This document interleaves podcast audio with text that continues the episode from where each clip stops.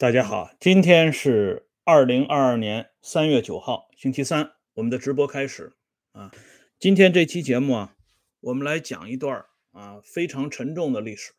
这这一段历史啊，我曾经在这个节目里边提到过，就是四千人纵论毛泽东啊。这次这是一次啊历史赋予咱们中国和中国人的最佳的时机。啊，这次机遇不说是百年不遇啊，也差不多。可惜的是啊，这一次历史机遇没有被抓住，永远的错失了。而错失了这一次历史机遇，后来的发展以及发生的一系列的悲剧，那必然都是题中应有之意啊。哎，这个历史机遇就像我们经常讲的那句话。过了这个村儿就没有这个店儿，对哪个国家、对哪个群体来讲都是一样的。当时啊，这个历史的大背景是刚刚从这个十几年的动荡岁月里爬过来，非常艰难的爬过来，可谓是劫后余生啊！不论是上层的还是底层的，身上的疮痕。那是历历在目啊，记忆犹新。哎，经常讲啊，这个咱们这个堆儿里头有很多人，他的记忆就是鱼的记忆啊，大概就是五秒钟。即便是鱼的记忆，那个时候也是在五秒钟范围之内。所以那个年代啊，就是公元一九七八年到一九八零年这两年当中，社会上为什么啊开始流行这个伤痕文学？其实这就是一种情绪的宣泄，而在高层里边也是在酝酿对毛泽东这个人的千秋功罪要做一个重新的评税。毛泽东自己在《念奴娇·昆仑》里不是曾经写过吗？千秋功罪，何人成与评税？这个时候就要由后人来做盖棺论定了。当时的情况呢，应该讲那是群情激愤，党言四出啊！什么叫党言呢？就是正直的声音啊！这里呢，我们有必要给大家再一次的啊，比较全面一点的回顾一下公元一九八零年啊，这是非常值得记忆的年代。一九八零年十月到十一月，组织全党全军全国范围内的四千人参加的啊，对毛泽东的功过是非的一个大评论。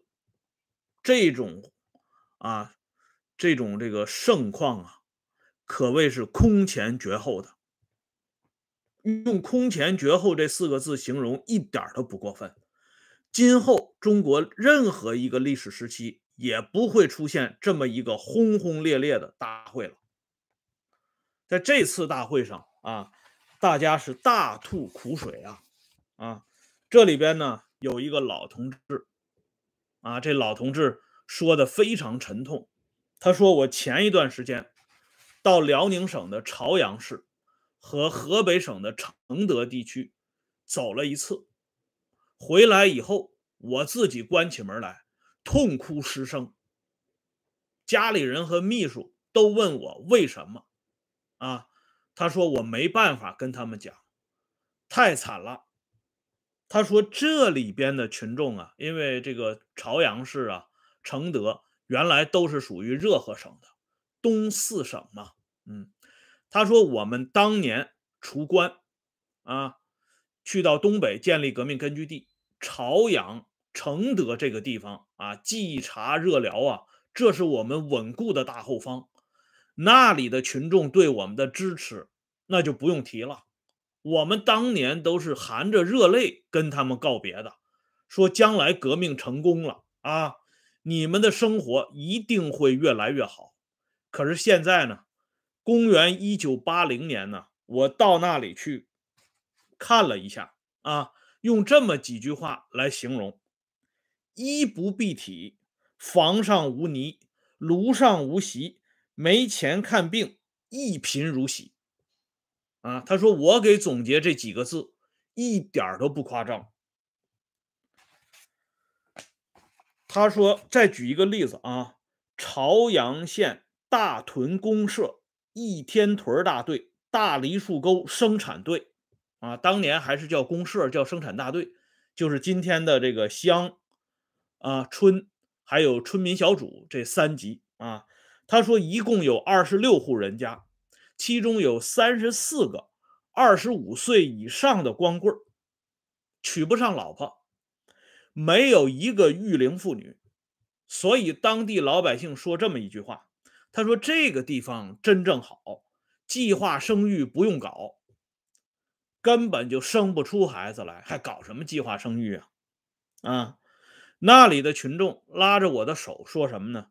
说我们实在是困难。现在呢，就是怕饿肚子。这老同志说到这里，这眼泪就掉下来了。他说：“我们革命已经胜利三十多年了，啊，可是老百姓居然说这样的话，哎，所以当时大家就谈到这个问题，就是说国家的权力越大，国家管的范围越宽。”国家的机构也就越来越庞大，这样的话呢，必然会形成这种政社合一。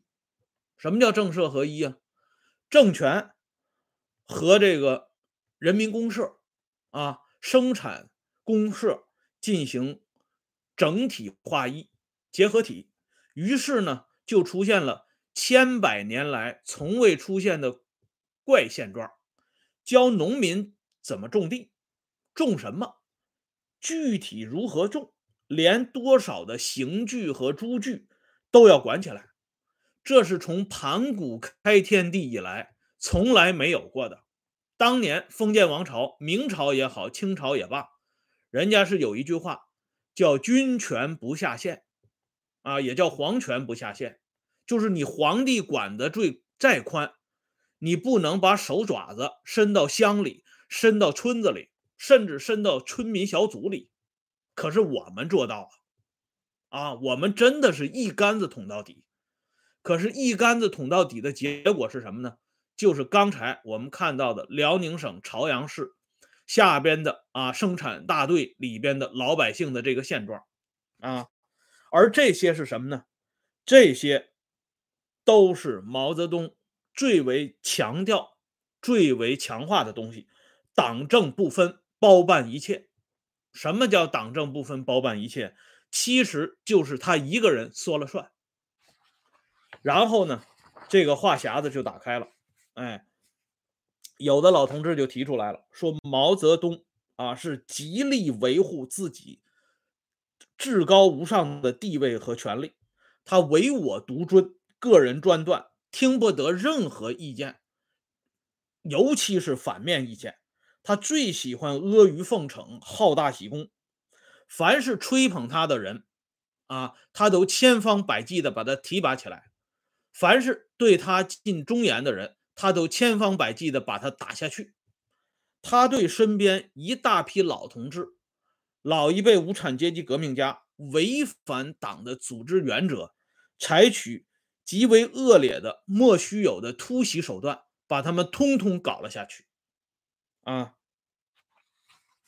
这是当时啊，有些老同志讲的，还有些老同志讲啊，说毛这个人帝王思想绝对严重啊，他经常是在党内制造派别，利用矛盾控制一部分人，掌握一部分人，从而消灭一部分人啊。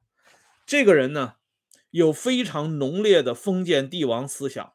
喜欢突出个人，当了领袖之后还要当唯一的领袖，当了唯一的领袖还要当世界革命的领袖，啊，大家都听过那个早年啊，苏联有一个预言啊，就是说那个不知足的老太婆啊，当了皇帝还要当海霸王，哎，这个欲望是越来越难填，哎，那么有的老同志呢还提到，就是说毛泽东这个人。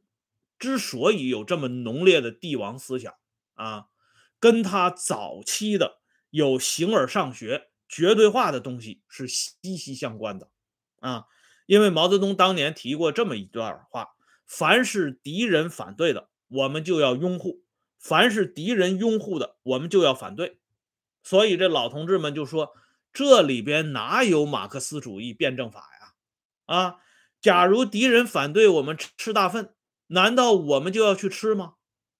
这是不不能够做到的，对吧？这种啊对客观实际的认识，最终最终就会发展到主观唯心主义。哎，所以啊。”当时有的老同志就讲啊，说这个一九六零年军队在起草这个文件的时候，曾经提到过啊，不要事事都提毛泽东思想。结果有人把这个话传递给毛泽东，毛勃然大怒，把这个老同志说成是混进党内队伍的坏人，进而呢把他打成反党集团的头目啊。他说啊，这个老同志接着说，他说，即便是啊，昨天我们不是提到吗？一九七七年纪念毛泽东去世一周年的时候，中央呢以华国锋为首炮制了一篇文章，说这毛泽东创造了三个世界的理论啊，可谓是这个啊，对世界革命有巨大的影响。但是这位老同志在这次会上就提提出来了，他说，一九七四年。毛泽东同这个外国人谈这个三个世界的理论，其实这个理论根本就没有什么周密的论证，跟国际形势的发展也不吻合。关于世界上战争与和平的话题，毛泽东提出来：小打不如大打，晚打不如早打，啊，把这个世界看的是漆黑一团，呃，就是要打仗，啊，似乎呢，似乎这个世界上。没有什么问题是呃是不能啊通过打仗来解决的，就是换句话说呢，什么问题都要用战争来解决。所以在毛的这个所谓的四世界革命思想里，你看不到制约或者是延缓战争爆发的因素，反而呢那种鼓噪啊尽早啊尽。量的发动战争、爆发战争的东西是比比皆是，哎，而且这个人宣称啊，他跟外国人讲了，战争一响，他的胃口就变得非常好，啊，所以到了这次大会的时候啊，呃，结尾的时候，大家就提到一个问题啊，提到什么问题呢？就是大家痛恨的。林彪、江青、康生、陈伯达、谢福志、张春桥这些人都是谁提拔、谁重用的？啊，这个矛头所指已经非常清晰了。所以后来的这个结尾的时候，李维汉作为毛的老朋友、老战友、老同志，他做了一个总结性的发言。他说：“毛泽东晚年越老的时候，越反映出。”他的思想意识当中潜伏有旧社会带来的封建主义的东西啊，而且这个东西一经发酵，那是非常不得了。哎，那么这些啊群情激愤的发言，对毛泽东的千秋功罪的评价，在当时是非常宝贵的。可惜呢，啊，这些发言被汇报上去之后。邓小平、陈云这些人坐不住了，胡乔木更是如丧考妣啊，跟死了爹娘一样难受啊！哎，当时啊，据这个晚年周恩来的作者高文谦先生后来他回忆过，他说在四千人纵论毛泽东这个之前，这个书记处啊，中央书记处的这个会上，万里就传达过这样的话，他说。这是我们最后一次啊讲毛泽东思想了，言外之意呢，以后对毛泽东思想这个概念可能就不提了。哎，结果呢，这次四千人大会开过之后，邓小平紧急叫停啊，踩了刹车了啊！这就是后来这四个坚持啊，以及一系列的啊对毛泽东的这个历史评价的重新评估这一系列东西出台的根本因素。那么邓小平，昨天我们说他为什么会啊原谅胡乔木，并且主动提议让胡乔木进入到新的中央领导班子里啊，担任中共中央副秘书长。并且呢，在党的十一届五中全会上，提胡乔木重新进入新成立的中央书记处。啊，当年胡乔木仅仅是八届中央书记处候补书记，可是到了十一届五中全会的时候，他一跃而成为中央书记处书记。在后来的党的十二届一中全会上，胡乔木又被当选为中央政治局委员。那老邓对胡乔木为什么这么重用？这里边呢，我们要看一下历史。历史上曾经发生过这样一件事情：一九四三年九月份，在中央政治局会议上，毛泽东说了这么一番话。他说：“六月后编了党书，党书一出，许多同志解除武装，才可能召开一九四一年的九月会议，大家才承认。”十年内战后期，中央领导的错误是路线错误。毛泽东这里说的党书，什么叫党书啊？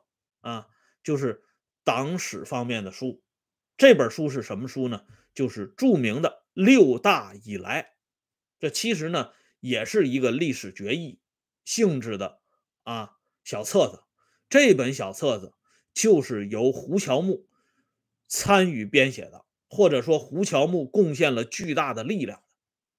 由于这本啊以毛的意志为意志的六大以来这本书出来之后，很多人就把过去的这些错误一律推到王明、博古这些人身上，从而将有的人从这个错误当中轻轻的滑落了。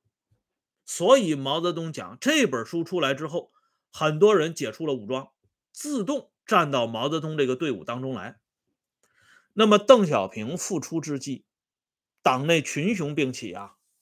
哎，老邓不具备毛的那种威望和力度啊，他是政委出身呐，这个枪杆子他没有直接抓过。哎，毛泽东当年好歹是率领啊这支工农武装上了井冈山了，有自己的山头。老邓没有啊，不论是幺二九师还是后来的中原野战军，老邓都是一个政治委员。哎，那么他主持中央书记处的这十年工作里边呢，也没有形成一个自己稳固的山头，因此这个时候他出来，这个舆论和宣传导向太重要了，他太需要这么一个人为他鸣锣开道，这个人就是胡乔木。哎，所以老邓啊，表现出前所未有的这种宽宏大量。这老邓的宽宏大量可是非常罕见的啊，不是对所有人都有这种气度的。他对胡乔木敞开这一面，就像毛泽东经常强调的那句：“没有无缘无故的爱，也没有无缘无故的恨。”啊，因为胡乔木这个人。啊，胡乔木的这支笔太厉害了。以前我们经常说妙笔生花，啊，大家没见识过什么叫妙笔生花。这里呢，我就给大家讲一下胡乔木的一个小故事、小段子。大家都知道啊，当时呢有一个重要的事情，就是八零年啊五月十六号要给刘少奇开追悼会。因为刘少奇的这个冤案呢，在党内啊，说实话，确实是太冤了，所以呢，《人民日报》要配发一篇社论，啊，就是说彰显中央拨乱反正的这个决心。那这篇社论呢，不好写，因为刘少奇这个案子，你要完全推到林彪和江青身上，这些老同志啊都不会赞成。谁都知道这是老大亲手定的案子，可是你要是啊直接或者是间接的点了老大的名字，那就不好办了啊！这不成了赫鲁晓夫的秘密报告了吗？所以这件事情非常的棘手。可是这个时候，胡乔木出了一个主意啊！胡乔木出个什么主意呢？胡乔木说，这篇社论的名字就叫“恢复毛泽东思想的本来面目”。这个题目，胡乔木一说出来之后，邓小平、陈云这些人是拍手称快呀，说还得是乔木同志啊，不愧是党内的一支笔呀。这个题目一出来，中央就放心了。大家看看啊，明明是毛泽东把刘少奇搞掉了，可是给刘少奇平反的时候。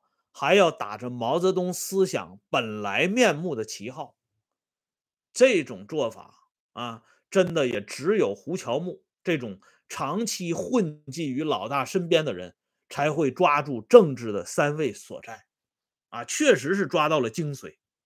所以人家胡乔木当年说的这个话，说他这一生就是为政治服务的，这不是夸口，确实是实话，啊。而邓小平后来呢，把这个东西又升级了。错误的东西是不属于毛泽东思想的。哎，换句话说呢，毛泽东思想永远正确。可是大家知道吗？